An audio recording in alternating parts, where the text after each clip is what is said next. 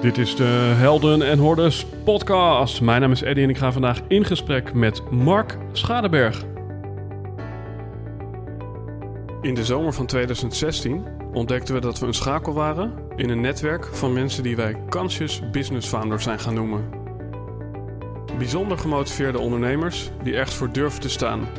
Ook als dat inhoudt dat ze daar alleen voor staan.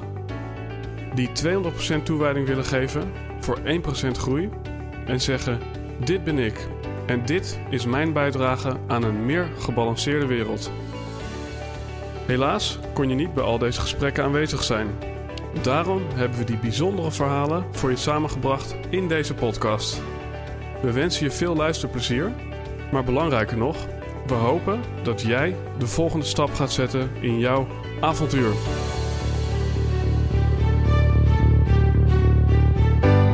Alright, ladies and gentlemen, dit is de Helden en Hordes podcast. Ik ga zo direct in gesprek met Mark Schadeberg. Wellicht voor jou leuk om te weten als jij een hele vroege vogel bent en iemand die deze aflevering ongeveer als eerste luistert. Zowel Mark Schadeberg als ikzelf zijn te vinden op het Podcast Summit, wat plaatsvindt van 9 november tot en met 13 november waarin zo'n ongeveer 15 podcast-experts samenkomen, die uurtje na uurtje via een Facebook live-omgeving jou inspireren. Allerlei mensen die worden geïnterviewd, waaronder dus ikzelf, op het vlak van podcast natuurlijk, maar ook op het vlak van hun expertise. Dus ik ga ook allerlei ins en outs delen over het vertellen van een goed verhaal, over de kracht van woorden en natuurlijk hoe ik deze podcast heb gemaakt en ja, wat ik daarin allemaal voor hordes heb gezien. Dus in de show notes vind je meer informatie om je gratis aan te melden voor dit podcast summit, waar je dus ook Mark Schadeberg gaat vinden.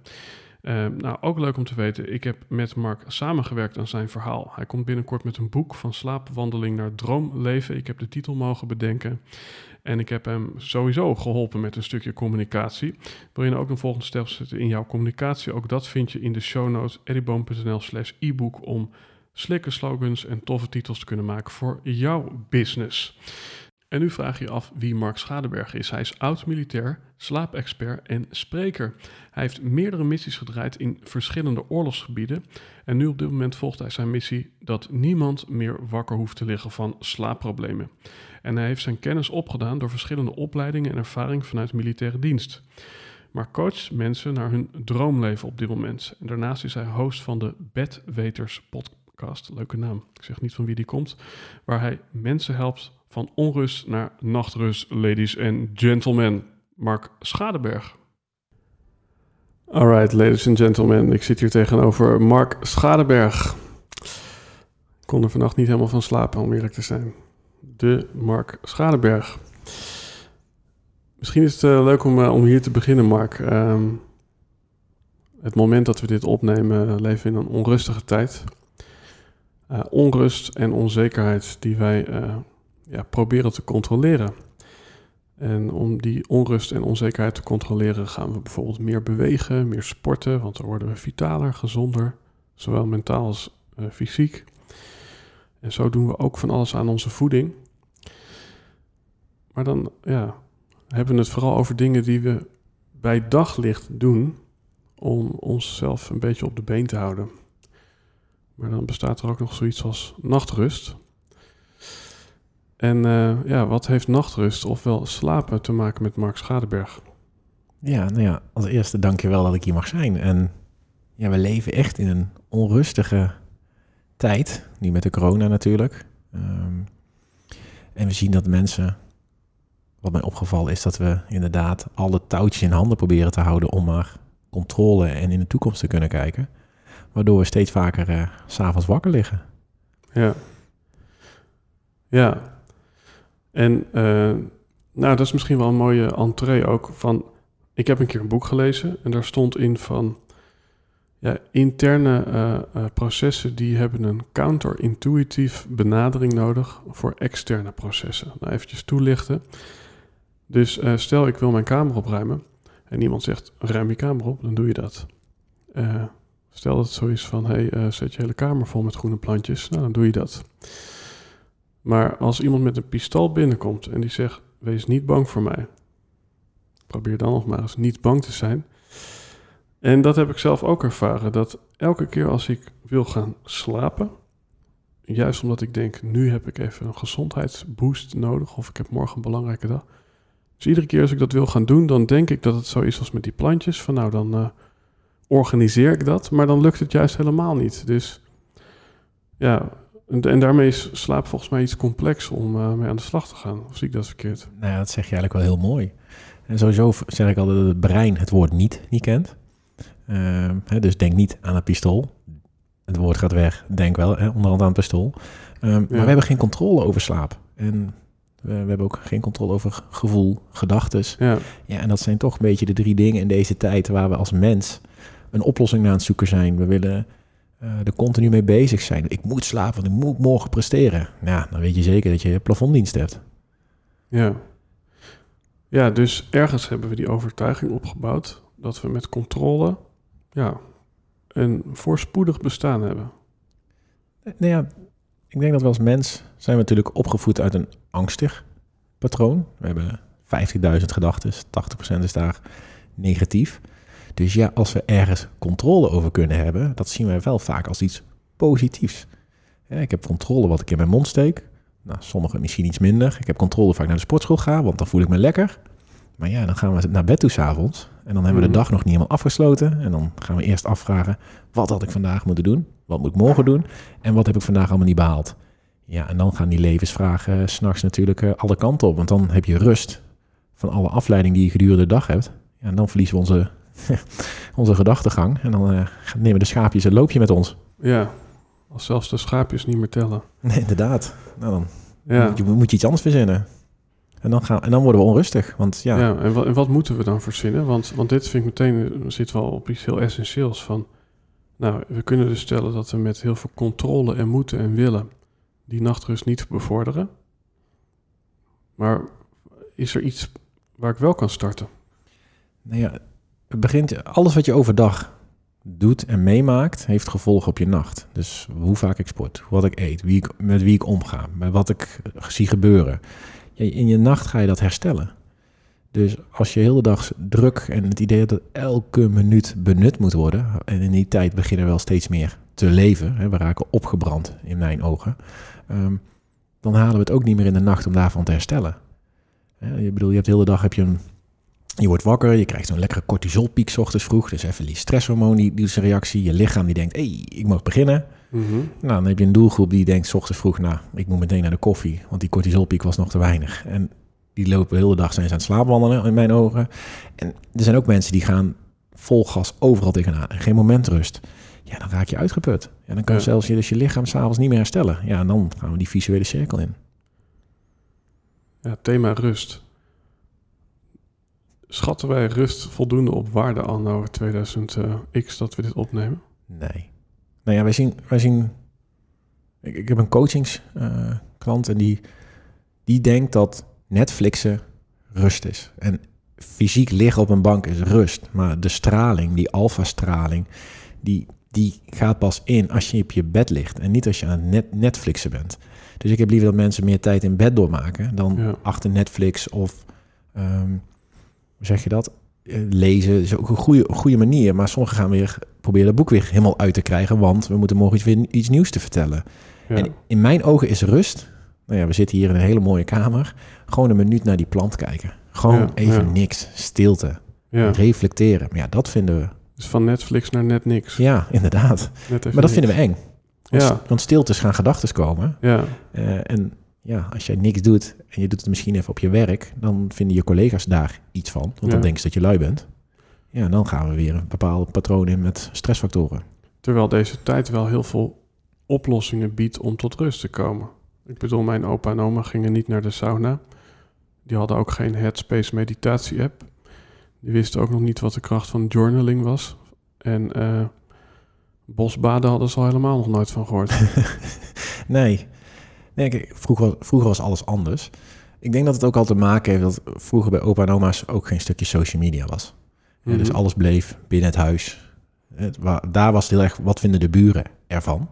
Dus alles werd binnen huis gehouden. En nu door social media hebben we een vorm van drang, wat, wat ik voel, om te laten zien dat we bezig zijn. Want als ik zeg dat ik het druk heb, dan geeft dat een bepaalde manier van status. Maar als ik vertel dat ik niet druk ben, of Ja. iemand ziet dat ik niet druk ben, ja, dat, dat kan niet meer in deze tijd. Ja, en ik zie druk zijn als een, als een soort menukaart. ehm, van uitkiezen wat misschien beter is. Ik noem het ook wel eens planshoppen. Weet je wel, Ja. iemand, iemand zegt van, oh, kan je afspreken? Ik ben echt, ik ben echt druk. Dan is diegene eigenlijk in mijn ogen aan het afwachten. Oké, wat, wat komt er nog meer op mijn pad? Wat interessanter is? Misschien is het romantiek, misschien een betere baan. Of misschien is er nog iemand leuker. Ja, terwijl als je gewoon stelt van, nou jongens, ik kies tijd voor mezelf. Ik ga vandaag naar een plant kijken. Ja, Ja, dat, dat kan niet meer in deze anno 2020. we mogen ons drukker ma- maken om rust. Ja, heel mooi hè? Ja. Wat in jou, eh, hè, want ik bedoel, eh, volgens mij ben je ook een ontzettend bezig bijtje. Ik bedoel, als je ziet hoe actief jij bent op social media en zoveel volgers en eh, televisieprogramma's en dan ook nog dat sixpackje op orde. Wat in jou ja, heeft die urgentie gekweekt om met dit thema aan de slag te gaan? Ja, dat is een hele mooie. Ehm, wat is die urgentie? Nou ja, ik denk dat het ooit begonnen is met vroeger. Vroeger was ik een heel lief jongetje. Een beetje hubby-chubby, baby-babyvetjes. En ik ging de grote mensenwereld in en continu werd er op me ingebeukt. Dus ik werd er gepest. En Ik was, ik was anders in de zin van... Ik vond het veel interessanter om met, met meisjes te praten... dan met jongens te voetballen. Of in het bos. Ik bedoel, werden mijn kleren vies. En dat vonden mijn ouders niet leuk. Dus ja, ik vond het veel stoerder om... Maar ja, dat kon niet. Want vanuit kinds af aan moeten kinderen... Jongens moeten met jongens spelen en meisjes met meisjes. En nou, toen werd ik uiteindelijk zo gepest. En ja, wat ga je dan doen als kind zijn? Je gaat harder worden, je gaat wild presteren. Ehm, Met door wie werd je gepest? Ja, door andere klasgenoten. Ehm, ik, ik was gewoon anders. Ik liep niet mee met de mode. Dus iedereen liep in een Australian of een Cavello wat vroeger in was. En, en ik had gewoon... Ik leek op Harry Potter vroeger. Alleen dan met een geruitjesblouse aan. Ik bedoel, als in die tijd Harry Potter uit was gekomen, had ik die rol gehad. Ik, het enige wat ik miste was die litteken boven mijn hoofd. Maar, Maar was dat iets wat vanuit een stukje autonomie al kwam? Of, of was het gewoon dat je ouders geen andere kleren voor je kocht? Ehm, ik denk autonomie. Want mijn, mijn, mijn tweelingbroertje, ik heb een tweelingbroertje, die, die liep wel heel erg daarin mee. Ehm, en ik koos altijd mijn eigen pad. Ehm, iets in mij voelde dat, ik volgde mijn hart. Ja, Iets wat ik de rest daarna heel lang niet meer gedaan heb. Omdat Ja. je dus daarop gestraft werd, dacht ik. ja want toen werd je er eigenlijk ook al op gestraft. Ja, ja, dus werd echt om me ingebeukt. Dus ik ben een ander patroon aan gaan nemen om maar als een soort geel triviantje erbij te horen, mensen te pleasen. Het, het driehoekige stukje uit het spelletje. Dat Ja. precies, ja, ja, precies. ja dat, ieder- iedereen zit altijd in die spelletjes toch altijd te pielen. Ja. Eh, en ik was een soort, ja, misschien wel chameleon. Dus ik was continu bezig om iedereen maar tevreden te stellen, eh, doelen te halen, eh, maar in het geheel maar mee te gaan lopen. Eh, dat werd eigenlijk ook op school verwacht. Terwijl ik eigenlijk op school aan dag, dagdromen was. Want ik was met mijn hoofd bezig van, oh, als, oh, als ik maar van school af ben, hè, dan ben ik af van het overleven. Maar ook, wat ga ik doen? Ja. Terwijl ze op school vonden ze me lui, niet aanwezig. Eh, ik had dyslexie. Eh, uiteindelijk kon ik naar HAVO, maar hebben ze me toch naar MAVO neergezet. Want ja, hij is zoveel gepest, het zielige kind. Nou, zat ik daar op een mbo-school. ja, Nou, dan word je puber. maar ik hoorde eigenlijk twee dingen. Enerzijds ehm, ja, toch autonome eh, eigen koers varen van, van, van vroeg eh, af aan. En gelijktijdig hoor ik je zeggen, ja, ik conformeerde me aan alle kanten. Ja, ja, Wat is meer waar? de eerste acht jaar ging ik voor mijn eigen route. Totdat er op me ingebeukt werd. Koos Ja. ik voor de veilige haven. En Ja. dacht ik dat dat van mij verwacht ging worden. Dus op een gegeven moment werd er zo hard gebeukt dat je, eh, ja, je omstandigheden eh, dominanter werden dan je innerlijke kompas. Ja, ja, ja in een kompas is later, misschien denk ik rond mijn dertigste pas weer teruggekomen. Maar Ja. daarna ben ik echt een systeem, een rol ingegaan om dat ik als kind zijnde ook dacht dat dat het moest, moest zijn. Ja, en dan, en dan gaan we eventjes iets verder in de tijdlijn. En dan hebben we het over een puber. Ja, nou dat was natuurlijk helemaal heftig. Ehm, ja, van pesten werd ik in één keer een ja, leuk jongetje om naar te kijken en kreeg ik in één keer heel veel aandacht. Ja, dat ging meteen de hele verkeerde kant op. Ja, Want toen ging ik dus laten zien van kijk eens, ik kon iedereen versieren en ik ging ja, een beetje over lijken. Want ja, ik kon mijn uiterlijk inzetten om, om iets te bereiken. Ehm, terwijl de innerlijke kompas was gewoon nog steeds offline. Die was gewoon, ja, ik ga maar mee met de meute. Ik moet op school opletten, ik moet mijn getal, cijfertjes halen. Nou, als ik een onvoldoende haal, dan werd je gestraft. Dus ja. En uiteindelijk dacht ik, ja, wat ga ik met mijn leven doen? ja, dus naar buiten toe was jij een eh, succesverhaal. Ja, maar van binnen was het gewoon één grote chaos.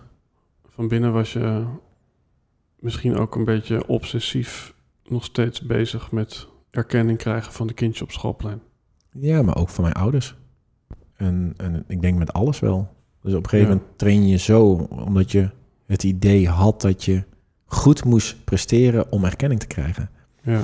En, en dat nam ik uiteindelijk ook mee in mijn militair leven, ja. Het militaire leven. Vertel daar eens militaire. wat meer over. Nou ja, uiteindelijk koos ik ervoor om militair te gaan worden. Ik voelde dat dat moest. Het was een beetje een weddenschap, maar ergens was het van, weet je wat, er is altijd me ingebeukt. Mensen zagen me niet als een echte man. Ik ga mannenwereld in.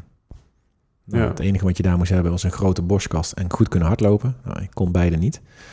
Uh, maar ik was fysiek wel heel sterk, want ik haalde wel de keuringen uh, voor het zwaarste niveau van Nederland. Wat, wat was een echte man dan in jouw optiek? Stoer, groot, uh, gespierd, ja. Alfa, Ja. denk ik. Een beetje het... Uh, kijk, het grappige is dat ik... Ik werd gepest omdat ik Backstreet Boys posters op mijn kamer had. En dat waren in mijn ogen vroeger echte mannen. Ja. Niet dat ze goed konden zingen, want dat weet ik nog steeds niet of ze dat kunnen. Maar ze hadden aandacht. Ze hadden een bepaalde fame, uh, rijkdom. In de zin van uh, vliegtuig, auto's. En ik dacht, dat, dat wil ik ook. Ja. Ik had ook de Backstreet Boys. Dat was volgens mij... Ja, de eerste CD die ik kocht ooit. Moet eens kijken. En, en, ik ken, en ik ken zoveel mensen die daar fan van zijn geweest. Mannen. Alleen ja, ik werd daardoor midden in groep 6... Nee, groep, groep 7. Groep 6 was ik gepest door een liefdesbrief. Maar groep, groep 7 werd ik gepest omdat ik iemand mee naar huis had genomen. En die zag mijn Backstreet Boys posters. En die heeft dat op heel school verteld. Ja. Een meisje? Dat was een jongen die dat vertelde. Ja. Die, uh, was, die spraken af. En ik heb ook echt jaren daarna niemand meer mee naar huis genomen. Want in mijn privésector ja, was ik dus ook kwetsbaar. Dus je was zelf die boy in de backstreet? Ja, maar dan alleen. Ja, ja. Ik was een beter de, de vocal background uh, in mijn eentje. hey, ik hoor net dat we een stukje gaan zingen. Nee, ik heb hier zo'n mooie button. Nee, gaan we niet doen. Uh, wat we wel gaan doen, is eventjes kijken wat dat stukje militaire achtergrond betekend heeft voor de relatie die je enerzijds hebt opgebouwd met rust en anderzijds met presteren en altijd aan willen staan. Ja, dat is een hele mooie. Nou ja, bij militaire dienst word je gevormd. Um, en word je eigenlijk op een straf, strafmanier word je opgeleid. Dus Mhm. mm -hmm. ja, er wordt heel veel discipline verwacht. En dat roepen we nu ook. Hè. Oh, hij heeft zoveel discipline. Terwijl ik dan zeg, nou, bij militaire dienst was discipline mijn bed opmaken en mijn schoenen poetsen. Nou, soms vergeet ik gewoon mijn bed op te maken, dus heb ik wel dan discipline. Of is het, ja, is het je drive om elke dag je bed op te maken? Uh, maar je bent, je bent altijd gestraft als iets niet werkte of je, of je groepsgenoot deed niet goed, dan werd je als groep gestraft. Dus ik ben heel erg opgegroeid met, als iets niet goed is, word je gestraft. Dus het moet nog beter, nog sneller, nog... Ja. Uh, schiettesten moeten steeds sneller, geen fouten. Ja, en dat heeft me wel gevormd in een bepaalde drive om het maximale continu uit, me, uit mij proberen te halen. Dus het werd ook een prestatiedrang om overal maar de beste in te gaan worden. Ja. Is het zo dat niet alleen jij, maar uh, alle mensen om ons heen ook gestraft worden? Want wij, kijk, ik zit niet in het leger, maar word ik ook nog gestraft? Nou ja, ik denk dat de meeste mensen zichzelf straffen. Mm -hmm. Dus faalangst. Um, uh, hoe heet dat? Als ze iets niet halen of ergens niet blij zijn... Of, het, of ze zien bij de buren dat er iets mooier is, een grotere auto is... dan komt er eigenlijk zo'n denkbeeldig zweepje... en dan gaan we onszelf maar slaan. Dan gaan we nog harder rennen, nog minder rust. Want ja, vroeger zeiden we, je moet hard werken... en dan ga je er komen. Mhm. Mm -hmm. uh, iemand die talent had, die, die was interessant... maar iemand die hard werkte, die op hetzelfde punt kan komen... daar keken we vroeger niet naar om. Ja. Ik bedoel, ook met sporters zie je, oh, die heeft talent, die moet je volgen. Terwijl misschien diegene die heel hard werkt, kan op hetzelfde niveau komen. Alleen Ja. duurt even wat langer. Ehm, dus ja, maar straffen, we straffen denk ik onszelf meer dan andere mensen Ja. jou straffen. Ja. Heeft het leger in die zin eh, ja, ook geïnspireerd? Of zou je zeggen, ik zou dit nooit meer gedaan hebben? Ehm, nou ja, ik was in Defensie ook weer een lief, zacht, gevoelig jongetje ehm, die een rol moest bekleden. En omdat ik overal de beste in werd, ging ik veel op uitzendingen, ging studeren, verhuisde ik van, van, van eenheid naar eenheid, omdat ik merkte dat ik niet moest blijven hangen. Want ja, blijven hangen was in mijn ogen achteruitgang. Ehm, het heeft me gemaakt wie ik nu ben. En ik denk dat ik daar heel dankbaar voor ben, want ik heb nu de andere kant gezien, maar ook de ellende in de wereld. Ehm, maar als ik nu terug zou kijken, was het misschien wel beter geweest als ik een ander pad had gewandeld. Maar ja, dat is Ja. altijd achteraf natuurlijk. Ja. Eventjes heel erg eh, concreet ingezoomd. Hè, als je het hebt over voeding en eh, rust. Want dat is waar we deze podcast begonnen. Ja, hoe werd dat ondermijnd eh, dan wel gestimuleerd bij Defensie voor jou? Nou ja, voeding is wat je kon krijgen. En ook daarin werd je gestraft of kreeg je minder. Hè? Want je wil natuurlijk fysiek iemand uitputten om ervoor zorgen dat hij ja, maximaal uit zichzelf haalt. Maar ook om te kijken hoe die in groepsverband is. Hè? Dus we werden, soms werd er gewoon eten neergezet. En dan begonnen mensen al te peuzelen. En dan bleken er in één keer zes maanden tijd te weinig te zijn. Ehm, en met rust, ja, ze zeiden altijd heel mooi. eh, maak haast wanneer je tijd hebt. Dan heb je tijd wanneer je haast hebt. Dus het was altijd, alles was op tijd. Hmm. Ehm, en je slaap was heilig, maar heel vaak sliep ik niet. Want je was altijd s'nachts, werd je er weer uitgeschopt. Dus ja, je werd continu uit je slaap gehaald in de meest ontwikkelende tijd van je brein. Hè, rond je 7e, 18e. Ehm, ja, en daarachter ben ik ook gekomen dat dus elke keer die verstoring van je slaap ook een, ja, een verstoring is van je ontwikkeling. En, en het zorgt er wel voor dat je presteert en, en dat je weet wat je kan doen, en de limits bereiken. Alleen ik ben er nu achter gekomen als slaapcoach dat slaap je veel verder kan brengen dan elke keer wakker gehouden worden en dan alles maar uit gaan voeren. Heb je het belang van slaap echt gevonden bij Defensie? Ja, ja maar ook slecht leren slapen door defensie. Mhm. Ehm, en dat komt ook een stukje veiligheid bij kijken. Dus je werd altijd wakker gemaakt s'nachts. Dus je ging steeds lichter slapen. Want je weet, ja, misschien word ik vanavond wel wakker gemaakt. Ehm, ja, en op missie ook. Ja, de ene sliep heel goed. De andere droomde heel veel. En ik was wel bezig van, oké, misschien gaat er iets gebeuren. Wat ga ik morgen doen? Ehm, nou, uiteindelijk in Afghanistan 2006 kwamen de raketten naar onze base. Ja, toen werd je midden in de nacht verstoord door een knal. Mhm. En daarna weet ik nog heel goed dat mijn luitenant riep... en nu gaan we dood, want er kwam er nog eentje. En die is uiteindelijk niet afgegaan, dus die is wel de grond in gaan, maar niet... Ja, toen begon bij mij wel de ellende in mijn hoofd met... oké, het feit dat ik dus nu vanavond dit heb overkomen... wat gaat er dan morgen gebeuren? Want ik lig nog steeds in die tent. Ik lig nog Ja. steeds achter een, een HESCO-wal... terwijl ze in Nederland vertellen dat we veilig liggen. Ehm, nou, een paar dagen later lig ik ergens te slapen in midden in Afghanistan... en moet er een collega van mij schieten omdat ze dreiging ziet komen. Bam, meer in mijn slaap. Ja, toen begon bij mij alle kanten op te gaan. Mhm. Toen begonnen de spookverhalen die ik mezelf ging vertellen. Oké, vanavond gaat het weer gebeuren. Dus ik moet alert zijn. Ja. Dus eigenlijk is die hele situatie, zou je kunnen stellen, een volumeknop geweest. Waarin dingen die ook latent aanwezig zijn in het leven van mij en vele anderen, voor jou eventjes op een veel ja, impactvoller niveau binnenkwamen. Ja, ja, en ik heb het heel lang weggeduwd.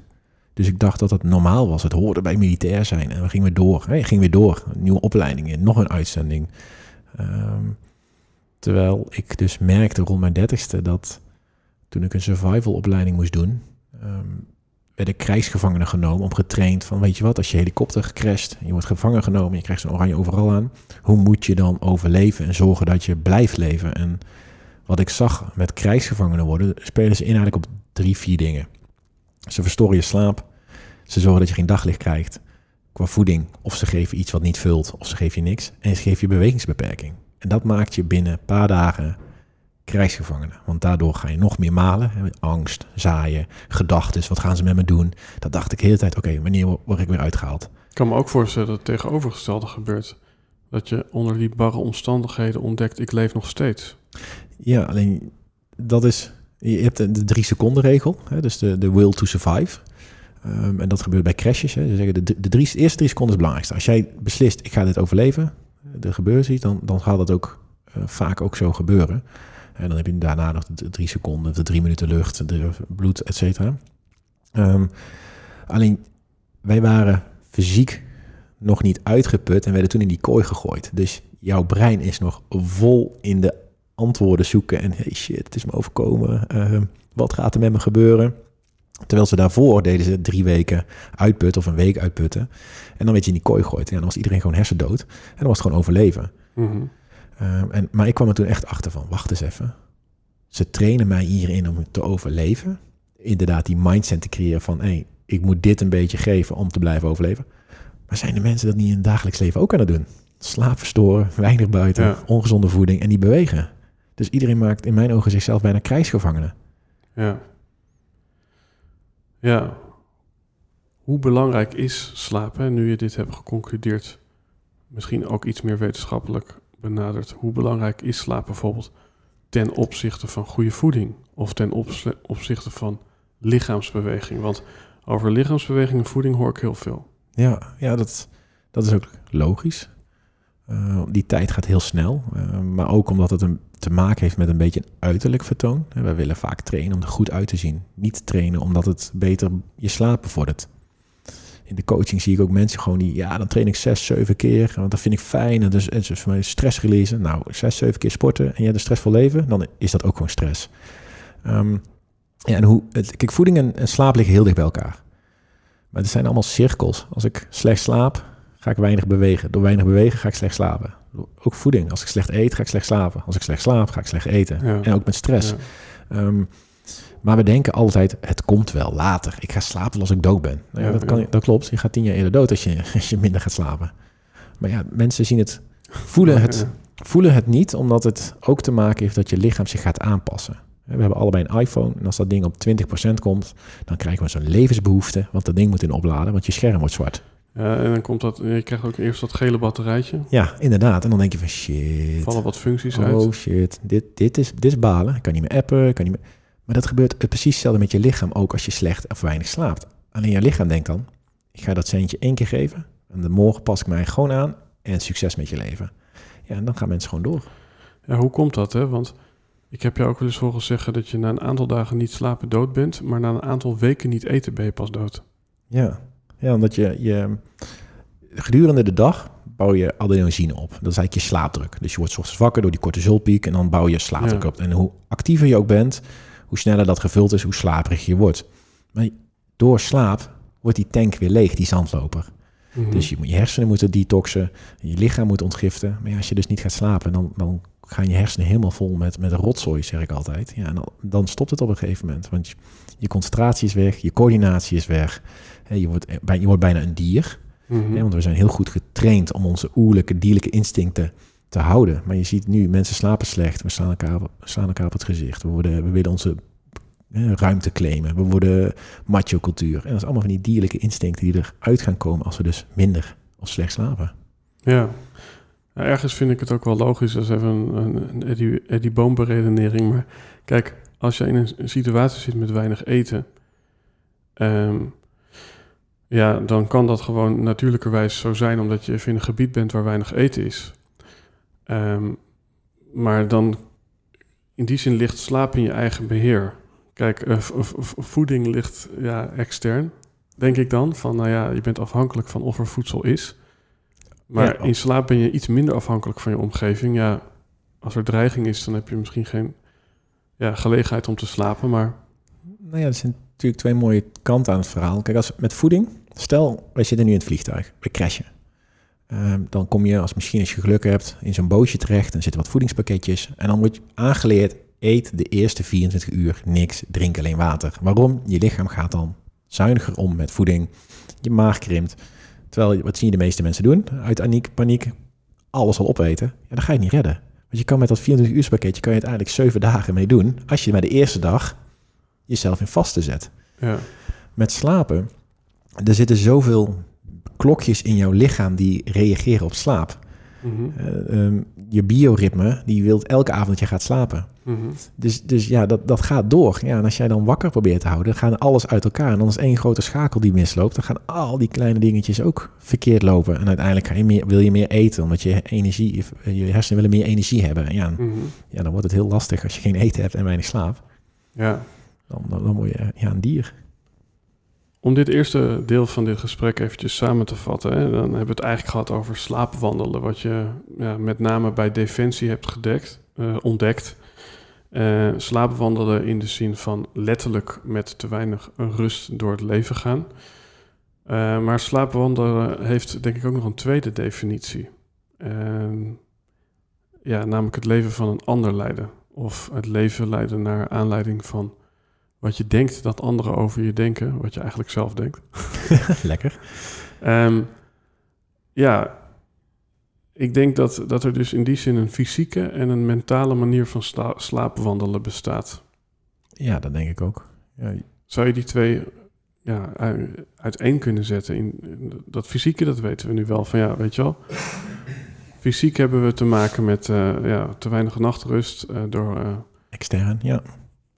En en wat, wat is dat, dat andere gedeelte? Nou ja, de andere gedeelte is het slaapwandelen, het, het, het verwachtingspatroon wat eh, we meekrijgen vanuit huis, vanuit vroeger. Het hard werken, niet rusten. Hè. Vakantie is een luxe, terwijl ik denk dat vakantie is rust. Eh, jezelf geen rust gunnen, eh, omdat je of bezig bent met perfectionisme nastreven of naar het people pleasen. Dus je vergeet jezelf, maar die andere die heeft het wel goed. Ehm, en daardoor ga je ook gevoeliger worden met opinions van andere mensen. Dus wat vindt hij van mij? Wat vindt hij van mijn kleding? Ja. Mag ik dit wel zeggen? Ben ik een goede spreker?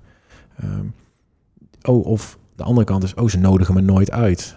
Ben ik wel wie ik ben? Weet je wel? Mhm. En dan gaan we, gaan we ons aanpassen. En dan is met slaapwandelen zijn we dus zijn we gewoon uitgeput met het vechten van een, een rol die we proberen te bekleden. Ja. ja, want het interessante is, hè, dus het fysieke, dat is, ehm, ja, mijn omstandigheden zorgen ervoor dat ik te weinig kan rusten. Dan het mentale, dat is, mijn omgeving verwacht iets van mij, eh, bekritiseert mij, heeft een mening, waardoor ik ehm, mij ga conformeren omdat ik bang ben om niet bij de groep te horen. Uh, maar dat zijn eigenlijk alle twee opnieuw externe dingen.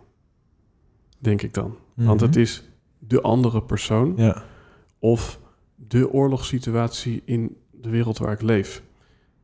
Maar er is volgens mij ook nog een, een, een, een intern stuk, wat, wat misschien niet heel erg uh, reëel is. Nou ja, dat is wel een goeie. En dan moet ik me even over nadenken. Maar wat, wat een beetje het leven, het leven mag pijn doen. Ja. Er gebeuren van alles. En we geloven in de American Dream. Hè? Dus het moet lineair, moet het sky high. Mhm. Alleen jij en ik weten waarschijnlijk heel goed dat het leven alle kanten op gaat. Obstakels, kuilen, hordes. En als we dan een tegenslag tegenkomen, en dat hebben we vroeger niet op school geleerd, dus dat is weer een stukje extern, maar we hebben vroeger niet omge- om leren gaan met teleurstellingen, niet om leren gaan met hoe het leven eruit zou moeten zien. Wij dachten dat het leven zo zou zijn. Dus Ja. intern ben jij een verhaal gaan vertellen tegen jezelf. Als ik goed oplet, word ik misschien dokter. Als ik dat doe, dan ga ik dat bereiken. Alleen dat blijkt dan niet waar te zijn. Dus intern ga, kom je in gevecht met jouw eigen verhaal. En dan gaan, of dat gaan we ontwikkelen en gaan we, hey, dit is een verhaal die ik mijzelf vertel.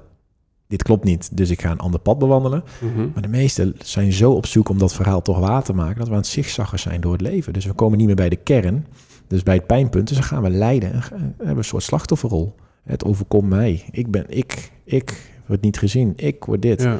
Ja, en dan gaan we vaak extern om bevestiging vragen. Extern gaan we dingen de schuld geven, rechtvaardigen voor het eigen verhaal. Ja. Ja, en dan hoor je ook vaak, eh, we vergelijken eh, iemands anders buitenkant met onze binnenkant. Nou ja, dan gaan we inderdaad gaan we andere mensen bekritiseren op eigenlijk de spiegel van onszelf. Ja, Dat zie je ook vaak bij sollicitatiegesprekken of bij eh, hoe heet dat, evaluatiegesprekken. Dan gaan mensen dingen roepen en dan als je, als je getraind bent en je weet dat, dan hoor je eigenlijk iemand schreeuwen om, om, om zichzelf. ja want ik, ik kan me voorstellen dat het in zekere zin ook, eh, ja, weet je, ik heb het niet meegemaakt, maar ook weer eenvoudig is in, eh, eh, in het leger. Want dan heb je, nou, je kan gewoon aantonen, kijk maar, hij wil een raket op mij schieten en daardoor slaap ik niet. Ehm, of daardoor heb ik een hele lichte slaap. Maar het wordt natuurlijk veel lastiger als jij ja, een raket in je eigen hoofd hebt bedacht, waardoor je niet kunt slapen. En dat eh, raket is bijvoorbeeld, nou, ik moet zoveel omzet hebben dit jaar, anders dan ben ik niet tof. Of het raket is, ik moet zoveel volgers of likes hebben, anders dan... eh, ja, ja dat, zeg, je- dat zeg je natuurlijk mooi. Dat is natuurlijk een beetje ook het, eh, de interne strijd. Hè? We zijn altijd bezig met alles wat om, om ons heen gebeurt. En binnenin gaan we, kwijlen we dood. Maar ook omdat we niet geleerd hebben om erover te praten. Je leest ook vaak in boeken terug. En ik, en ik zie het ook heel veel. Ja, mijn ouders praten nergens over. Mijn opa, die heeft in de oorlog gespeeld. Maar die praten nergens over. Die, die, we slikken alles maar in. En dan mhm. word je van binnen dus die raket dan wel tijdbom die op een gegeven moment op gaat exploderen. Eh, nu leven we in een tijd van coaches en gaan we steeds meer mensen wat meer ontwikkelen en gaan we erover praten. Ja, en dat praten is toch wel fijn dat je af en toe de druk van de Ja. ketel af kan halen. Maar voor een man vinden we dat vaak niet stoer. Ik bedoel, bij militaire dienst. Ik vond het best eng allemaal mijn uitzending. Maar erover praten met mijn collega's? Ja. Hell no, want er zou ook een watje zijn. Ja, Hey, emoties kan je uitschakelen, up, doorgaan. ja. Want En er is ook nooit geleerd om rust te nemen. Nee, want we komen eh, eigenlijk op die manier bij eh, thema 2. Even voor de luisteraar. eh, we hadden net even een soort voorgesprekje en waar we op uitkwamen is... Het, het start eigenlijk met slaapwandelen. En dat is dus dat je je conformeert dat er reële of irreële dreiging ervaren wordt... en dat je daardoor niet goed slaapt. En dan kom je bij het tweede stuk. En dat is slapende honden wakker maken. Ja, En eventjes eh, alvast eh, voor de kudde uit. Uiteindelijk wil je natuurlijk slapend rijk worden. Dan, Ja, is, zeker. dan is de cirkel rond. Maar nu zitten we eigenlijk bij het tweede thema. En dat is dus eigenlijk... We zijn ons bewust van het feit dat we ofwel het leven van een ander leiden... ofwel onbelangrijke dingen nastreven... eh, ofwel een reële dreiging ervaren. Maar we kunnen ons daar maar moeilijk toe verhouden. En we gaan dat gesprek met de ander over die moeilijke thema's... of met onszelf maar moeilijk aan. ja zeker. En dat, als we dan nog even teruggaan naar het eerste. eh, slaapwandelen is ook jezelf vertellen dat het wel goed komt. Eh, je, pas je continu aan om maar niet dat pijnpunt op te zoeken. Dus ga, ga je ook denken dat het goed gaat komen. Eh, we proberen nog maar een sollicitatiegesprek en we doen nog maar dit. Maar het, het komt wel goed. Dat zeiden, zeiden mijn ouders ook altijd vroeg tegen mij. Het komt wel goed, Mark. Ehm, maar bij slapende honden, op een gegeven moment loop je tegen de muur omhoog. Op een gegeven moment ga je slecht slapen. En dan kan je alles de schuld geven, een snurkende partner. Maar ergens onder water gaat iets niet goed. En of dat nou op liefdegebied is, werkgebied is, jezelf, je ik, je... Ja, dan wordt het tijd om je eens wakker te schudden van... hé, dat verhaal die ik me elke dag vertel... is dit waarheid of is het het verhaal die ik mezelf vertel... om alles maar in stand te houden? Ja, en dan, dan ga je keuzes moeten maken om... in plaats van dat zigzaggen door het leven te gaan... met meer energie rechtdoor te kunnen lopen... in plaats van al je energie kwijtraken... om maar continu bezig te zijn met die chameleon spelen... en die zigzagweg af te lopen. Dus wie mooie dromen wil, moet spookverhalen gaan onderzoeken. Inderdaad. En durven niet proberen op te lossen. Dus, maar durven kritisch te kijken, waar komt dit verhaal vandaan? Is dit het verhaal die ik mijzelf vertel? Ja, Of is dit wa- waarheid die echt waarheid is? En ik zeg al, de waarheid is wat je jezelf vertelt. Maar ja. ja. de meeste mensen zijn zichzelf fairy tales aan het vertellen. ja want zit het, zit het er voornamelijk in als je dit wil oplossen? Zit het er voornamelijk in om die problemen en die spookverhalen... om daar afstand van te doen? En bijvoorbeeld nieuwe, betere waarden in te vliegen? Of zit het er eerder in dat al die waarden en ja, moeilijke kanten en moeilijke verhalen die je jezelf vertelt... er gewoon mogen zijn, maar dat je er anders toe moet verhouden? Nou ja, ik zie dat als een, een ballon of een bal die ik onder water wil houden. Dus probeer ik er afstand van te nemen. Dus het glas half vol mentaliteit. Dan duw ik die bal met water of die ballon onder water. En wat wil die? Die wil altijd omhoog. Dus uiteindelijk komt die drie keer zwart terug. Of een stuiterbal. Je hebt een stuiterbal, die gooi je in het begin weg. Ik ben, er, van, ik ben er vanaf. Maar ja, wat gaat die stuiterbal op het einde doen? Zoveel schade aanrichten. Ja. Dat ding gaat alle kanten op. En dat gebeurt dan ook intern. Je kan alles proberen weg te duwen. En ik merk dat een beetje bij onze generatie is dat ook het vluchten. De, de, de wereldreis, drank, drugs, veel Ja. feesten. hè. Dus ik vlucht van de, van de realiteit. Ja, Ehm, dus je kan beter kijken waar komt mijn pijnpunt vandaan? Wat voel ik? Wat loopt er niet goed? En hoe ga ik daar vanaf nu mee om? Hoe ga ik vanaf nu daarmee om? Eh, ik, hoe kijk ik er tegenover? En wat als er in de toekomst het nog een keer gebeurt? Herken ik het dan? En ja, kan ik het dan gebruiken als mijn kracht? In plaats van, weet je wat, ik duw het maar weer aan de kant en, ik, en ik, ik ren maar weer verder. ja. Ja, want als je het hebt over die ballon onder water duwen... het is wel grappig, als je namelijk echt weggaat... dan komt die omhoog. Ja, inderdaad. Dus, Dus eh, als je dus, denkt- dus er weg van gaan betekent dat je ballon zich meer laat zien. Ja, het, wordt uiteindelijk, ga je, het, ga je het hoog, vroeg of laat ga je het eh, verliezen. En dat Ja, zien we natuurlijk een beetje nu ook bij de oudere generatie terugkomen. Dat merk ik ook in de coaching. Die, die, hebben weer, die zijn weer anders opgevoed. Ehm, maar bij de millennials, ja, de burn-out. A, we zijn heel erg overprikkeld. Maar B, de meeste mensen vechten met hun interne ik. Dus die hebben een gedachtepatroon. Ik word binnen een jaar manager. Want als ik dat tegen mijn vrienden vertel, ja, dan ben ik... ja, Dan ben ik ma- maar terwijl als je aan die manager vraagt, hoe lang heb je erover gedaan? Ja, 15 jaar. ja, Oké, hoezo denk jij dat je binnen een jaar gaat worden dan? Ja, en dat is die, die, die, die, die verhalen die we onszelf vertellen van ja, binnen een jaar ga ik manager. Maar ook omdat mensen dat willen horen. Oh, ben Ja. jij binnen een jaar manager geworden? Ja, dat is gewoon het verhaal die je tegen jezelf vertelt. Om te hopen, dus die, die sky high. Ja, Maar werk verrichten om 15 jaar te presteren en dan manager worden. Ja, dat is, dat is way too ver, jongens. Dat is, dat is, nee, dat, daar wil ik Ja. niet over nadenken. ja dus ehm, oké, ik, ik zie mijn problemen onder ogen. En dan? Ja, nou ja, dat, is, dat is geweldig. Ik denk dat je daar heel dankbaar voor mag zijn.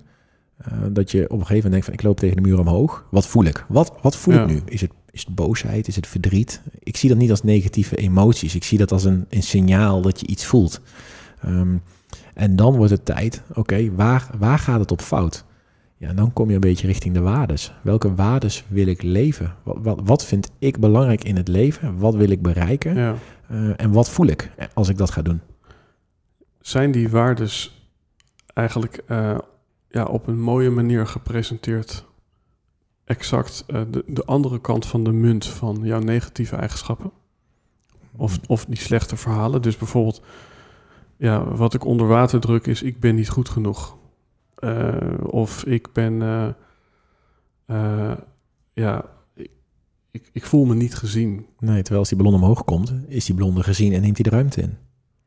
Ja, Ja, alleen ik denk dat heel veel... je hebt natuurlijk waardes en je hebt ook nog eigen waardes. En we leven een beetje nu... En dat deed ik vroeger ook heel erg, dus daarvan refereer ik het ook en zie ik het nu steeds meer mensen doen. Eh, wij geven onze waardes weg aan anderen. We zijn op zoek naar bevestiging, bestaansrecht. Ehm, dus ik, eh, complimenten naar, naar, of eh, vissen naar complimenten is eigenlijk een beetje, weet je wat, ik geef hier mijn waardes aan jou. Vul jij mijn leegte in? Vul jij mijn leegte alsjeblieft in, alsjeblieft. Ja, oh yes, ik krijg een complimentje dat ik er leuk uitzie. Nou, drie seconden heb je ah, goed. En daarna zegt meteen die man met die zweep, je, Ja. bent, je bent helemaal niet knap, je mag hier niet zijn. Ja, En, en dat is inderdaad die andere kant van eh, je waardes. Maar het is ook dat als je er nooit bij stil hebt gestaan wat waardes kunnen zijn, ja, hoe kan je ze dan naleven? mhm.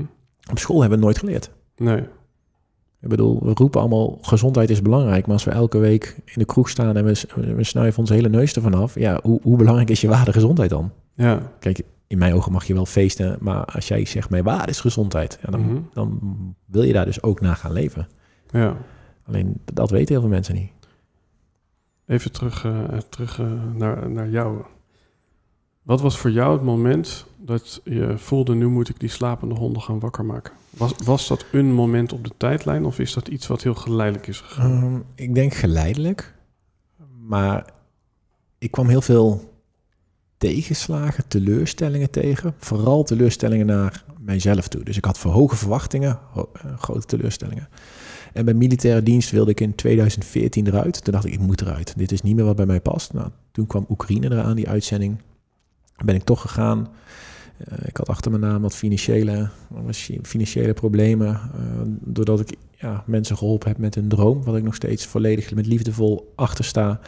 Eh, maar niet wist dat het voor mij zo'n zware impact zou gaan. Dat dat mijn schaarste in mijn hoofd gecreëerd heeft. Ehm, en ik merkte dat ik dus in een patroon weer ging vallen. Dus ik bleef gewoon werken. Ik kreeg de 24ste kreeg ik mijn geld. Ik bleef gewoon maandag tot met vrijdag 40 uur werken. En oh, het was wel lekker veilig, safe. Maar van binnen, jongen. Oh, er was een stem. Hé hey Mark, als je eruit gaat, dan ga, je, dan ga je pas eens ervaren, jongen, wat vrijheid is. Ja, Dan ga je pas... Je mag, je- weet je wie je mag zijn?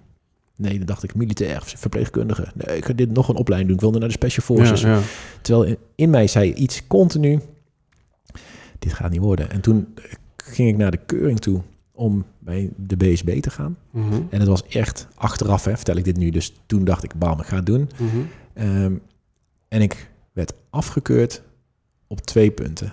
Ik was te lief, vonden ze. Ik had een, oh nee, drie punten. En ik had een casus ehm, eh, niet gehaald. Ik wist de casus al, dus je, ik twijfelde in het scena- scenario. En de derde was eigenlijk dat ik, ja, ik had een lening op mijn naam gehad. Mijn relatie was net uitgegaan. Ik moest een dag later weer op uitzending. Allemaal externe facetten. En toen werd het echt van, ja, je bent te lief. Je bent hier niet geschikt voor. En toen begon, en toen dacht ik, weet je wat? Dit, dit, dit wordt, nu is het moment om te gaan veranderen. ja, En toen kwam ik later ook achter dat ik, ik wilde die keuring gaan doen om weer opnieuw mezelf te gaan bewijzen, weer tussen de big boys. ja, Terwijl van binnen wist ik al lang dat dit mijn pad niet meer was en dat ik mensen moest gaan helpen. Eh, ja. Ja.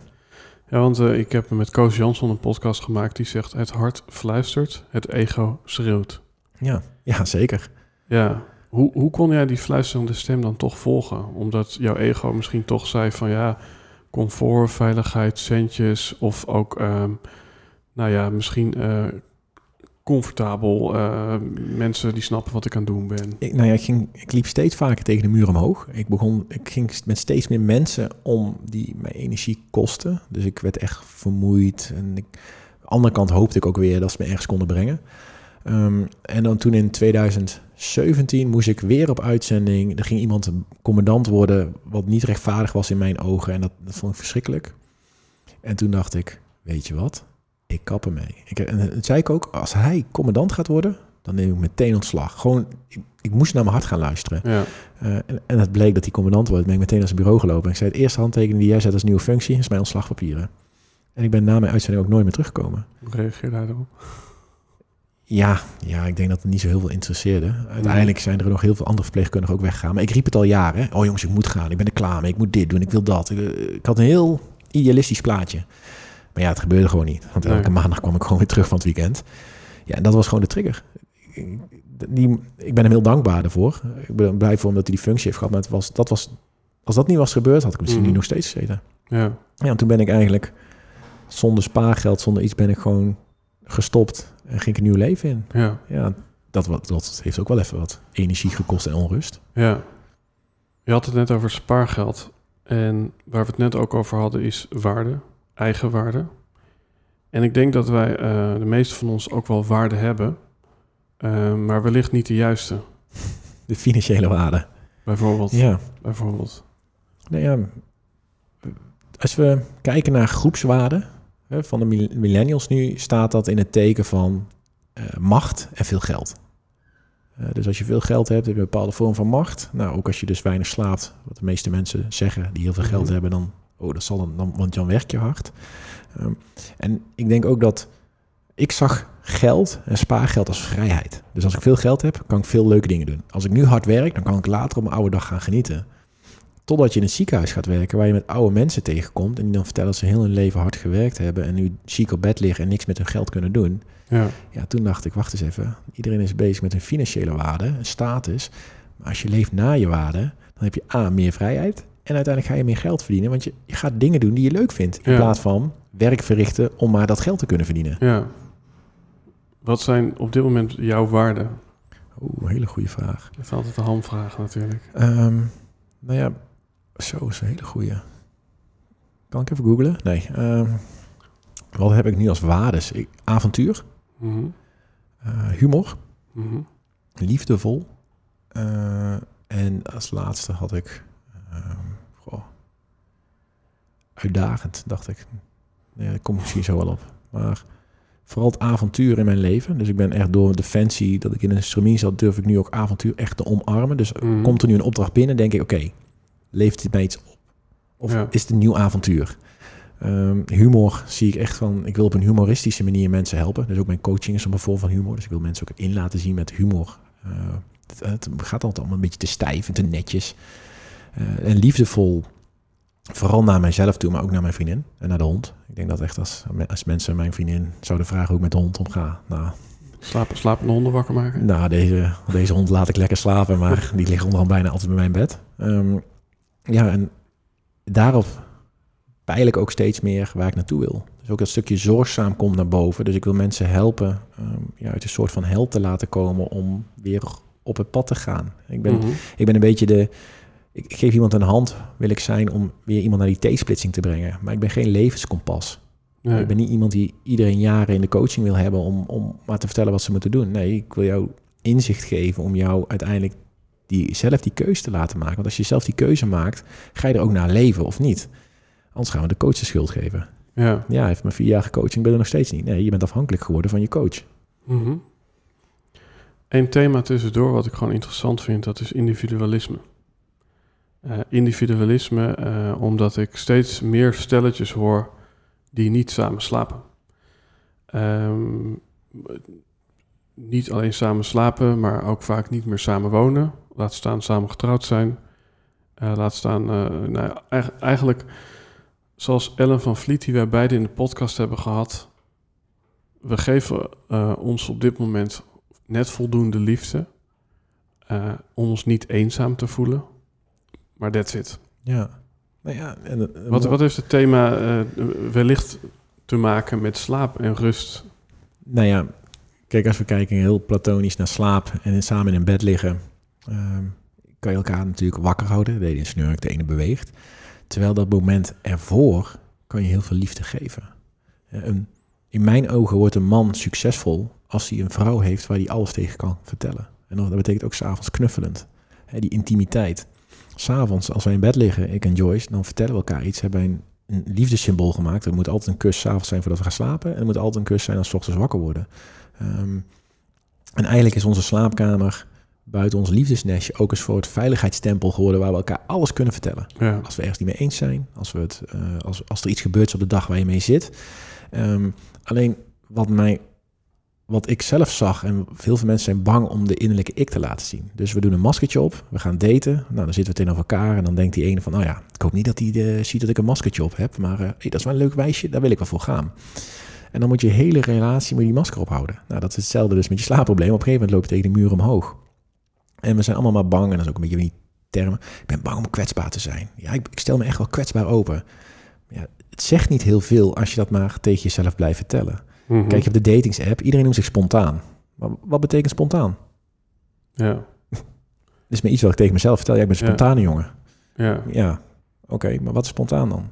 En dat is nu met liefde ook. We, we, we hebben een zorg-DNA om voor elkaar te zorgen. Dat zit in, in, in onze familie, maar dat zit ook hoe wij nu aan tafel zitten. En jij vraagt ook aan mij, wil je een kopje thee? Ik bedoel, dat is toch een vorm van zorgen. Terwijl we, we niet meer willen ontvangen. Maar van binnen schreeuwen we op ontvangst. Want we willen gezien worden, we willen waardevolle liefde. Daarom vind ik een huisdier het mooiste wat er is. Dat beestje geeft je zoveel onvoorwaardelijke liefde. En een baby ook. Uh, ik heb zelf nog geen kinderen, maar dat is wel wat ze je vertellen. Terwijl als we na twee jaar ouder worden, dan gaan we ons eigen wereldje maken. Gaan we onze obstakels zien. Gaan we, gaan we ja, geïsoleerd raken door wat we meemaken. En dan vergeten we liefde te geven dan wel te ontvangen. Ja. Terwijl van binnen hebben we een hulpkreet. En dan, ja, dan eindigen we uiteindelijk eenzaam. Is slaap daarin ook iets wat je moet ontvangen? Ja, slaap, slaap mag er zijn. Slaap is niets doen. Ja. Als, je, als je natuurlijk de wetenschap kijkt, is slaap herstel van je lichaam. Maar slaap is ook even 7 tot 9 uur geen gezeur aan je kop. Ja. Niet die WhatsApp die afgaat. Niet die vriendin die uh, loopt te klagen. Niet je baas die... En, en dan blijven we allemaal wakker om juist al die shit zo ja. op ons kop te krijgen. Ja. Dan hebben we nog een derde thema. Ja, sla slapend rijk worden. Slapend rijk worden. Ja. Ja, want uiteindelijk, eng, uiteindelijk hè, als we dan even dit heldenverhaal doorlopen... dan uh, ging je een beetje zo door het leven. Vervolgens, nou, maakte je wat slapende honden wakker... kwamen er wat ballen bovendrijven. Ja, ja dan hebben we het natuurlijk nog niet gehad over de saboteurs, maar ja... En uiteindelijk, als je dat overwint, ga je slapend rijk worden. Ja, en dan inderdaad nog eventjes een, eh, een tussenstap van... Ehm, nou, oké, ik maak die slapende honden wakker. En daarna is het goed, of niet? Nee, zo was dat maar. Nee, op dat moment dat toen ik merkte dat ik mijn slapende hond wakker maakte... dus ik ging mijn hart volgen, ben ik echt door ruw weer gegaan. Echt, ik denk dat ik de VOC 3.0 ben geweest. Want je ego, dan wel je imago gaat veranderen. Ja. Je, je gaat leven naar je waardes. Dus wat is voor jou belangrijk? En dat kan dus zijn dat je omgeving daarop gaat inspelen.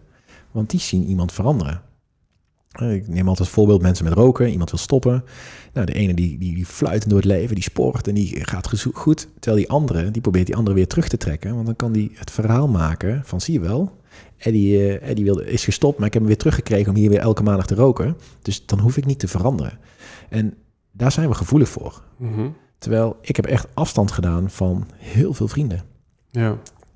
Met pijn en moeite. Maar het was omdat het niet meer matchte met wie ik wilde zijn. En dat is niet dat hun slecht zijn. Nee, ze staan misschien anders in het leven. Um, het, het vreet te veel energie. Ik, voel, het matchte niet meer. Mm -hmm. uh, maar ook afstand natuurlijk met mijn werk gedaan. Afstand met sporten gedaan. Ik, ik sportte eerst om uiterlijk vertoon. Nou, uiteindelijk resulteerde dat ook dat ik ondergoedmodel ben geworden. Nu sport ik echt omdat ik er gewoon zin in heb. En als ik een keer geen zin heb, dan sport ik niet. En ben ik heel stressvol, ga ik wandelen. Dus mijn, al die waarden, die mindset worden, worden anders. Waardoor ik dus meer energie overhoud voor wat ik echt wil ja. doen. Nou ja, ik heb wel eens uh, hier Tobias Mol aan tafel gehad, een Nederlands judo-kampioen.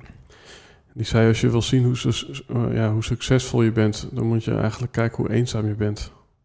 Want de massa die zit altijd in een bepaalde Nou ja, comfortabele situatie. Mijn, mijn, mijn, mijn trainer, eh, Ce- Cesar, Cesar Lopez heet hij. ehm, die, ik, ik vertelde dat. Ik kwam naar hem toe, bijna huilend. Ik zeg, godverdomme, hé, heb ik eindelijk vrienden gemaakt? Ben ik ze ook weer kwijt? Mhm. Hij zei, Mark, toen ik succesvol werd, hield ik ook niemand meer over. Ja, En in die zaal zat nog een jonge dame. En die heeft ook op social media groot bereik. En die zei, nou, ik begin te groeien. Ik mag doen wat ik echt leuk vind. En ik zie niemand meer. Nou, toen, wie heet het, een vliegje.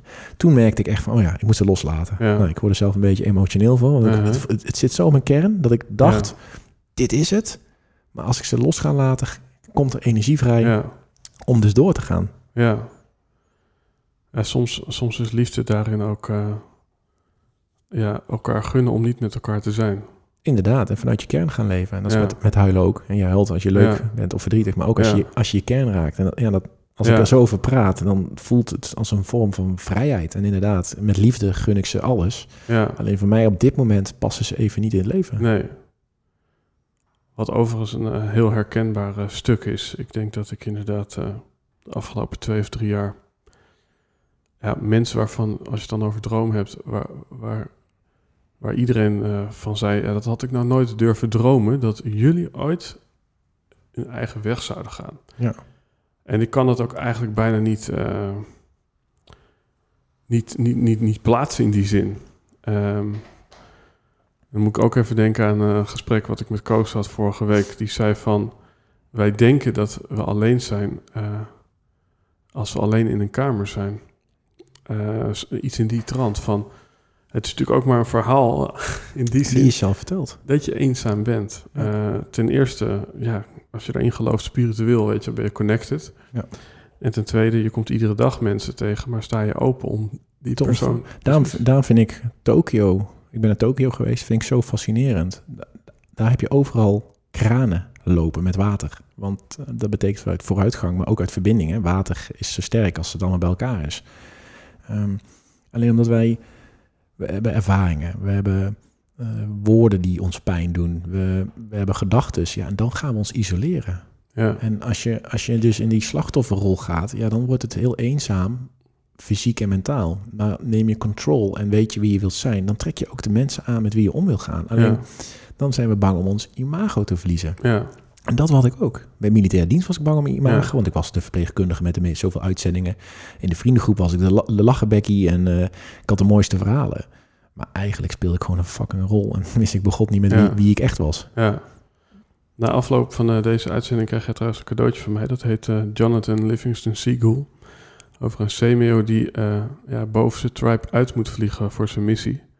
Maar dan in het laatste hoofdstuk wel terugkomt, omdat hij dan juist de eerste tribe weer alles terug kan geven wat hij heeft ontdekt. Nou ja, we zijn natuurlijk zo sterk, heel, mo- heel mooi ding, maar we zijn natuurlijk zo sterk als, als een groep. Ja. Daarom nu door corona die anderhalve meter afstand. Ehm, en ik laat in het midden of het nu wel of niet werkt. Maar als jij bij militair dienst een anderhalf meter achter de groep loopt, ben je kwetsbaar. Ja, Als je anderhalf meter voor de groep loopt, ben je kwetsbaar. Ja. Dus wat gebeurt er nu? Ja, we willen naar elkaar toe. En of er nou feesten is, dat is natuurlijk een bepaalde vorm van luxe die we onszelf verteld hebben. Maar we zijn zo sterk als we bij elkaar zijn. ja, Een groep is zo sterk, ook in die, in die ondervraging. Wij moesten als groep opereren. Er zaten ook mensen die eenzaam Ja. in de hoek gingen zitten. En dan ben je kwetsbaar, word je gepakt. ja, Terwijl als je inderdaad ervoor kiest om je hoofd boven maaiveld te doen, wat ik nu, mhm, mijn missie voelt dat ik dat moet doen, dan kan ik de rest vertellen wat ik ervaren heb, de foutjes eruit wissen of niet, en mensen helpen. Is, is onze telefoon, eh, waar we alle twee nogal een relatie mee hebben volgens mij, is dat in een tijd waarin we inderdaad die afstand tot de ander eh, ja, bij wet eigenlijk moeten nakomen, is zo'n telefoon een verbinder om toch met die mensen in contact te staan die belangrijk voor je zijn? Ehm, of zorgt die telefoon ervoor dat we juist disconnected zijn, ook bijvoorbeeld van onze nachtrust, omdat we tijd op dat scherm Nou ja, eh, dit heb ik de harde les moeten leren, maar disconnected. Ja. Het, het, is niet, het, is, het is niet zo dat je bij wijze van spreken die energie ook via een telefoon... Nee, nee, als ik Had dit gesprek ook via Zoom gekund? ha- had gekund, maar dan had ik net nooit zo emotioneel geweest als ik Ja. net even was. Ehm, wat, kijk, een voordeel van een telefoon is, is dat we onszelf kunnen vertellen dat we altijd iedereen kunnen bereiken en dat we altijd bereikt kunnen worden. En hoeveel mensen hebben s'avonds niet toch die modus aan, want misschien bel mama wel dat er iets gebeurd is. Ja. Ehm, ik heb ouders, ik heb jonge moeders in mijn coaching gehad, die zaten in de bioscoop continu op mijn telefoon te kijken, want misschien gebeurde iets met mijn kind. En dan zei ik, oké, dus je vertrouwt je man niet met je kind, want waarom moet je dit... Vroeger toen ik ging spelen bij, bij iemand en ik kwam terug met een bult in mijn hoofd, zei ze, hey, hij was gevallen, Ja. alles is nog goed. En dan vertrouwden we die persoon iets van ons. Nu vertrouwen we niks meer, omdat we het idee hebben in control te zijn en dat we alles moeten weten. Ja. Ook met bellen, eh FaceTime, Zoom.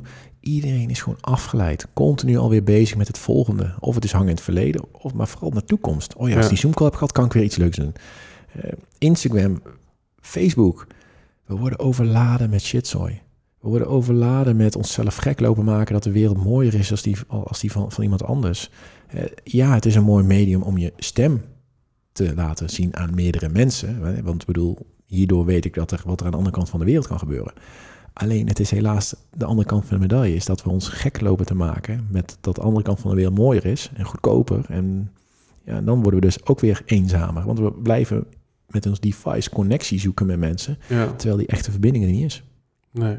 Ik bedoel, ik zit liever met jou zo samen te eten en te praten, elkaar in de ogen aan te kijken, telefoon uit, Mhm. dan waar jij mij daar net heel mooi op wees. Van Mark, we zijn in een sessie bezig, je pakt je telefoon. Dus ik ben Ja. gewoon... Dus eigenlijk zeg ik tegen jou, vriend, wat jij doet is niet interessant. Ja. Maar dat WhatsAppje die ik binnenkrijg, die waarschijnlijk echt wel twee uur had kunnen wachten, Ja. die trekt dan je aandacht. Zou je kunnen stellen dat het hele slaapprobleem, waar deze aflevering natuurlijk mee eh, is gestart, eh, ook te maken heeft met het feit dat wij vroeger eh, ja, meer een soort van eerst dit, dan dat, dan dat leefden.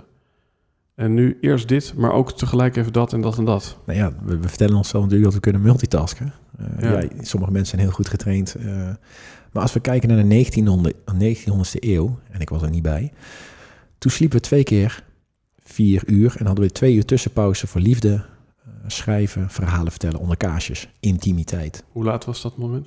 midden in de nacht. Ja, dus ze gingen weg Twee uur, zon- drie uur? Nou ja, dat is, ik denk dat ze geen wekker hadden, maar ze gingen natuurlijk slapen wanneer het donker werd. Ja. Eh, en, Oh, ja. ja. en als je een beetje uitrekent, dat begint natuurlijk al om 8 uur. Dus als je 4 uur slaapt, 12 uur, 2 uur, ja, dan kom je op 6, 7 uur weer uit. En is- ehm, maar er was intimiteit, waarderingen, keken elkaar aan.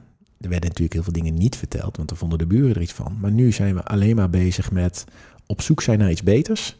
Ik moet investeren, want anders ga ik dat niet halen. Ja, dan gaan we een beetje, in mijn ogen als Nederlanders, nu naar dat Amerikaanse cultuur. Hè? Je moet presteren drie jaar en dan ben je uitgebrand, uitgeblust. En dan, ja, wat ga je dan met je leven doen? Ja, succes. Ja. We willen alle balletjes in de lucht houden. Ja. Ja, ik moet ook denken als we dan toch even terug in de tijd gaan van Blaise Pascal, die zei van all human problems stem from the fact that a man is unable to sit quietly in a room alone. En wat ik nu uit dit gesprek eh, heel duidelijk haal is van, weet je wel, ehm, wat doe jij als er even een in-between moment is? Een, een, een rustmomentje. Wat doe jij als het donker is en je bent één uurtje wakker tussen twee slaapcycli?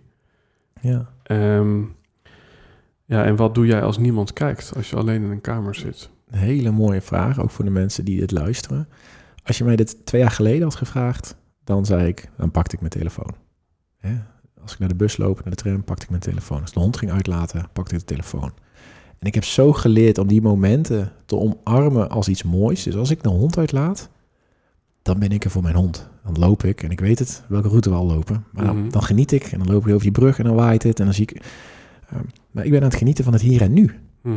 Eh, en niet al bezig in mijn app van ik moet zo meteen een afspraak maken. Als ik mijn vriendin wegbreng naar haar werk, eh, omdat het regent, dan pak ik niet mijn telefoon. Nee, dan hier en nu. En dan kan je ook veel meer genieten. Ben je ook dankbaar voor wat je, wat je op je pad komt. Mhm.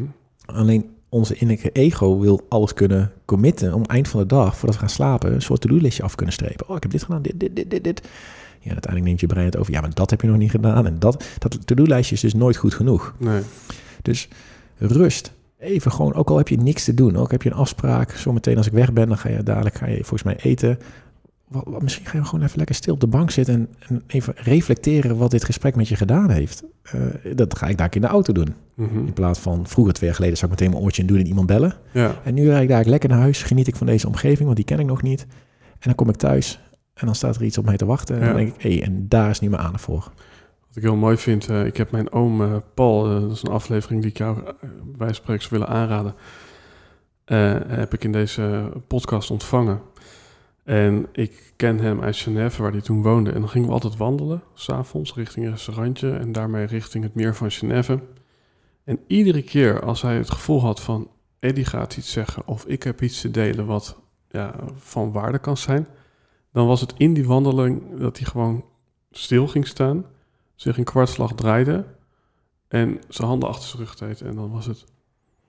Dan kwam hij gewoon echt eventjes tot stilstand om die boodschap te ontvangen of die boodschap te verzenden. Heel mooi. En weet je, dat, op het begin dacht ik van, wat is dit nou weer? Weet je wel, uh, come on, een beetje tempo erin houden. Maar dat is wel uh, ook weer een voorbeeld van, ja, je hebt een bezigheid, je bent aan het wandelen en daarin kan je ervoor kiezen om nog een bezigheid eroverheen te gooien en er nog een, nog een. Ja. Of, of, of je stopt even en je Ja, doet het alleen. ja, en dat is natuurlijk ook wat we heel de dag aan het doen zijn. We willen die levensvragen die ons echt raken, zijn we heel de dag aan het verbloemen met activiteiten. En die gaan dus s'avonds in je slaap gaan ze opspelen. Want dan hebben ze eindelijk een moment om te komen, want dan heb je rust. Ja, En als we net terugkijken naar die relaties, waarom slapen mensen steeds minder bij elkaar? Is ook omdat ze niet met elkaar in de ogen aankijken waar ze voor staan, waar ze voor willen vechten en welke liefdes ze samen willen maken. Ik bedoel, ik vind pizza's heel leuk. Jij vindt misschien eh, cola leuk en ik geef elke dag pizza. Na tien dagen denk je, ah, idee, dit is leuk, maar dag 11 wil ik die cola. Ja, als je dat niet gaat uitspreken, dan gaat je relatie de verkeerde kant op. Maar dat doe je alleen als je je telefoons weglegt, elkaar in de ogen aankijkt en vertelt vanuit de ik. ja, hey, ja super vet. Ja, Ik ja. voel dat dit niet goed gaat, want man, dit is, het is, het is zo'n simpel inzicht, maar het, het, het, het is voor mij op dit moment... Weet je, ik, ik had dat afgelopen vrijdag. Ik had een, een heel close en personal gesprek met iemand. En ja, in, in, in zekere zin voelde ik die verbinding, terwijl het via WhatsApp was. Alleen achteraf is het zo jammer dat het gesprek per WhatsApp had plaatsgevonden. dat geloof ik. Ja, Ja, in Amerika worden mensen ook verliefd door datingsapps die ze elkaar niet zien. Dus ergens is er misschien wel een verbinding, hè, want het universum. Maar ik denk ook dat het wij dat heel graag ook willen hebben. Dus ook dat het dan dus mogelijk is via WhatsApp. Snap je wat ik bedoel? Ja, en, en het is misschien interessant dat, dat het in theorie of zelfs vanuit een soort gedachte dat alles één is, wel, dat het wel zou kunnen. Ja, geeft je hoop. Maar, maar welke commitment zit erachter als jij thuis even aan het appen bent? Kijk, op het moment alleen al dat je op de fiets stapt om, ja, volgens afspraak drie dagen eerder, waar je al naartoe leeft, om acht uur met die persoon te gaan praten. Zoals wij dat nu doen eigenlijk. Eh, Het feit dat we hier een afspraak voor hebben gemaakt, dat we het in zekere zin ja, hebben voorbereid eh, op onze manier. En, en dan, dan zit je daar, maar da- daar zit natuurlijk ook al heel veel magie in, dat je gewoon een commitment voor aftraan geeft. Ja, ook. Maar ook dit laat nu, vind ik, een vorm van kwetsbare kant zien. Want je bent samen ga je een avontuur aan Ja, Eh, met een beetje humor en woordspeling.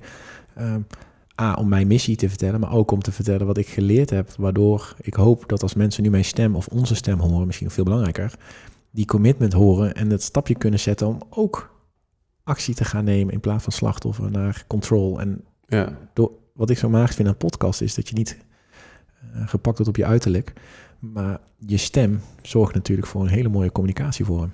Beloof jij even dat er eh, nieuwe camera's eh, op je gericht staan? Ja, vind- ja inderdaad. Hey, ja, nee, maar... ehm, en dan wil ik nog eventjes een soort van kleine, Die rijkdom nog steeds, hè? een kleine ja, U-turn maken naar het kopje eh, rijkdom. Wat, wat, wat is slapend rijk worden? Even in, in, de, in de woordspeling van slaap. Slapend rijk worden is wanneer je meer prioriteit geeft aan rust en slaap, heb je de volgende dag veel meer energie voor plezier en de dingen die er echt toe doen. En wat, wat, zijn, wat zijn dan de dingen die er Mijn- echt toe doen? Mijn rijkdom is de liefde die ik krijg en die ik geef aan mijn relatie. Eh, het werk mogen doen dat ik voel dat ik dan mag en eh, mag doen met plezier.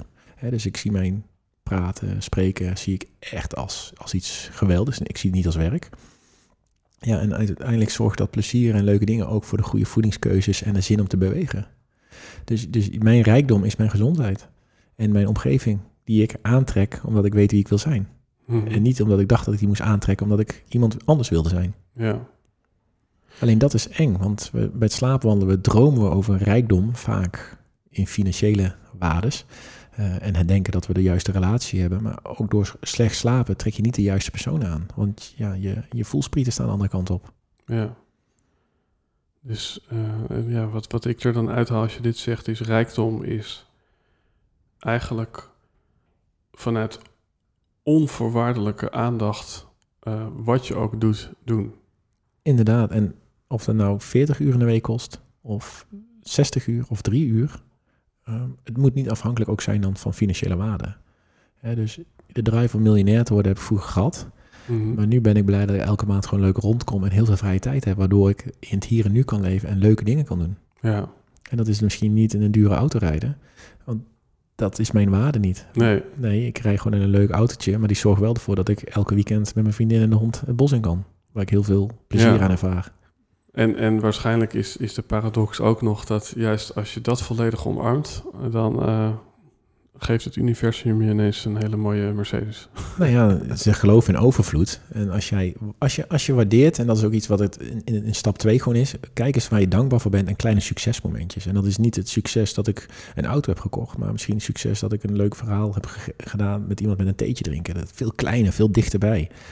Ehm, en het universum gelooft als jij positief bent en dankbaar bent, dat, dat er gaat er een magneet lopen. En dat heb ik ook gezien in mijn rijkdom. Toen ik ben gaan doen wat ik wilde gaan doen, toen ik ben gaan dankbaar voor de momenten die ik krijg, ja, dat, dat trekt nu mag ik spreken voor bepaalde dingen. Je zit- je zit om tafel met misschien om, om nog groter podium te bereiken. Mhm. Ja, dat gaat werken als je, als je gelooft in overvloed. Dat Ja. gaat niet werken als ik denk van shit, hé, die opdracht Ja. is weer niet doorgegaan.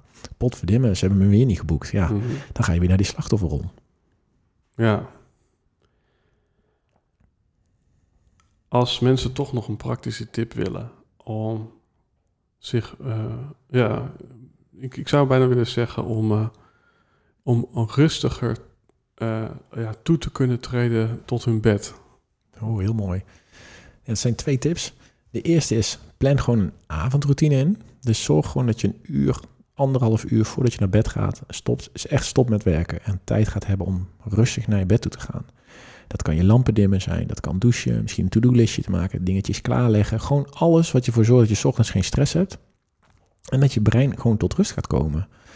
Eh, En de andere is time management wise. Maar koop een weekagenda. Plan eerst drie tot vier momenten in per week. En uiteindelijk wil je zeven, maar met me-time. En me-time is niet sporten of, of winkelen. Nee, me-time is dat moment dat jij stil gaat zitten naar die plant gaat kijken. Of misschien naar je gitaar. Of Ja. niet naar Netflix, maar echt gewoon tijd die ja, naar jezelf gaat. En Telt mediteren ook, of is dat dan ook weer een verborgen agenda? eh, nou ja, mediteren. Ze hebben laatst onderzoek gedaan dat het acht minuten minimaal is per dag en 20 minuten het beste is.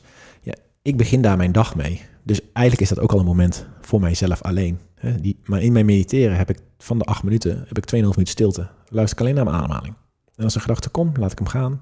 Komt hij en laat ik hem gaan. Maar daarnaast heb ik dus nog vier tijden in mijn agenda die altijd voor mij zijn. Er komt niemand aan. Echt. Als in één keer zet, zet ik hem in de avond, de andere keer in de ochtend. En als iemand dan een afspraak zegt, sorry maar, die tijd is voor mijzelf. Mhm.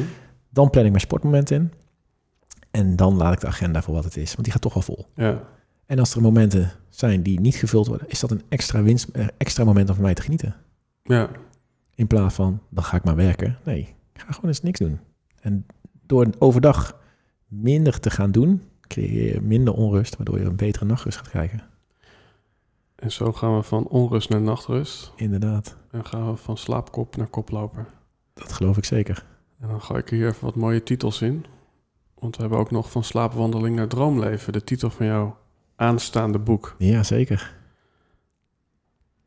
Het enige boek waar je over slaapt waar je niet van wakker hoeft te liggen. Inderdaad, waar je gewoon uiteindelijk naar je droomleven kan. Als mensen een volgende stap willen zetten in meer, ja, misschien wel eh, minder onrust en meer nachtrust. En misschien meer leven vanuit eigen waarde in plaats vanuit financiële waarde. Wat is dan op dit moment één link of referentie waar je ze naartoe wilt sturen? Nou ja, er zijn op Google zijn er, kan je je waardes opzoeken. Dus Google in gewoon wa- wat zijn mijn waardes. Dan heb je verschillende platforms waar je van 100 naar 5 toe kan gaan. Ehm, maar misschien is daar gewoon iemand die je daarbij kan helpen. Want je bent al heel snel geneigd, en dat merkte ik bijvoorbeeld bij mezelf, ehm, dat je uiteindelijk weer niet de juiste waardes gaat kiezen. Dat je van je hart zegt dit, maar jouw ego zegt. Ja. Uh, en dan kan gewoon iemand die jou gewoon even daarbij helpt en laat inzien dat je je levenskompas moet gaan volgen, kan gewoon helpen. Mhm. En uiteindelijk ga je daarna vanuit je waardes leven en doe je het helemaal zelf. Dus mochten mensen daar echt op zoek zijn naar een coach die, die weet van, hé, hey, dit, ik durf deze commitment aan. Hè? Coaching moet van twee kanten komen. Ja, dan zijn ze altijd bij mij welkom. Tof. En dan heb jij een uh, aardig uh, gevulde Instagram-account, Mark Schadeberg. Wat is ja, er zijn nog een punt tussen. Mark.schadenberg. Okay. Ook, ook mijn website is gewoon oh. mijn naam.com. Ja. Super tof, man. Uh, ja, vet om onderdeel te zijn van team nachtbewaking. Ja, heel gaaf. Ja, nee, daar ben ik ook heel dankbaar voor dat ik mijn, mijn hart zei dat ik dit moest gaan doen. En uiteindelijk heb je een commitment met iemand, bouw je, bouw je iets op, waardoor mijn verhaal nog mooier en duidelijker wordt in plaats van een één grote warboel. Ja, en dat dat resulteert in nog vaker spreken uh, met jouw woordgrapjes. Ja, dat lachen? ja, maar ja, ik laat nu mensen beter slapen, omdat de mensen om mij heen in mij geloven, maar ik geef het ook weer terug, want ik laat zien dat ik er ook iets mee doe en dat ik het ook echt draag. Ja. En ja, dan ben je zeker team nachtbewaking of nachtbraker of wat je ook wil. ja, ik um, zal alles eventjes voor je onder elkaar zetten en natuurlijk voor de luisteraar in de show notes. Dus niet alleen deze mooie link naar Instagram, maar ook naar de website voor jouw aanstaande boek. Um, ja, ja, en we gaan nog iets doen, hè? En we gaan nog iets doen, dus dat is ook even mooi om te noemen. Uh, mocht het zo zijn dat je deze aflevering luistert voor wat is het? Uh, eind november zeg ik maar even. Ik weet 2020 hè? Ja, volgens mij is het 26 november, maar dat weet ik niet helemaal zeker. Ja, ja. Uh, dan hebben wij een Helden en Hordes live vanuit de bibliotheek in Haarlem. Gesponsord door Chickpea Falafel. Met daarin uh, niet alleen Eddie Boom, maar natuurlijk ook Mark Schadeberg. Waarin we, uh, ja, ja, volgens mij de luisteraar een, rugzakje met tools en tips meegeven uh, om van onrust naar nachtrust te gaan. Dus dan gaan we denk ik nog iets meer de verdieping in op dit thema. Volgens mij is het een livestream. Uh, je kunt erbij zijn als corona dan nog net zo heerst als nu. Zijn er 24 stoelen. Um, en als je er niet bij kan zijn, dan komt het als video of als audio terug. En dat geldt ook voor deze aflevering. Wil je over deze aflevering meepraten? Hashtag Helden en Orders op Twitter, Instagram, YouTube. Nee, YouTube niet. Daar kan je gewoon commenten. Facebook wel. En uh, ja, tof man. Uh, superleuk om met jou hier aan tafel te zitten. Op naar een wereld met meer rust en... meer slaap. Meer slaap.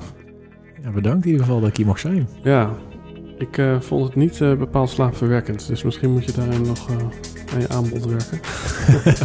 dat, is, dus de disclaimer die ik, die ik bij de live show vertel. Hey, many thanks. En voor de luisteraar tot de volgende aflevering.